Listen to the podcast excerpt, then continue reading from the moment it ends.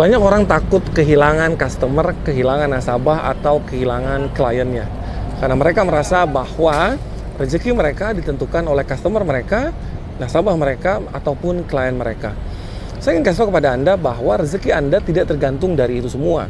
Kenapa? Karena rezeki Anda adanya di langit. Ketika Anda kehilangan satu customer, satu nasabah, atau satu klien, yakinlah bahwa Allah akan mengganti klien Anda dengan jauh lebih besar dan jauh lebih banyak lagi. Karena rezeki Anda sudah ada takarannya. Ketika klien Anda hilang, pergi, pindah ke tempat yang lain, yakinlah bahwa Allah akan menggantinya. Kenapa? Karena klien Anda hanya sebagai saluran saja, bukan sumber rezeki Anda. Karena sumber rezeki Anda adanya di tangan Allah. Jadi, dekatkan diri Anda sama Allah yang maha pemilik rezeki, maka Anda akan mendapatkan rezeki yang stabil, bahkan meningkat terus setiap bulannya.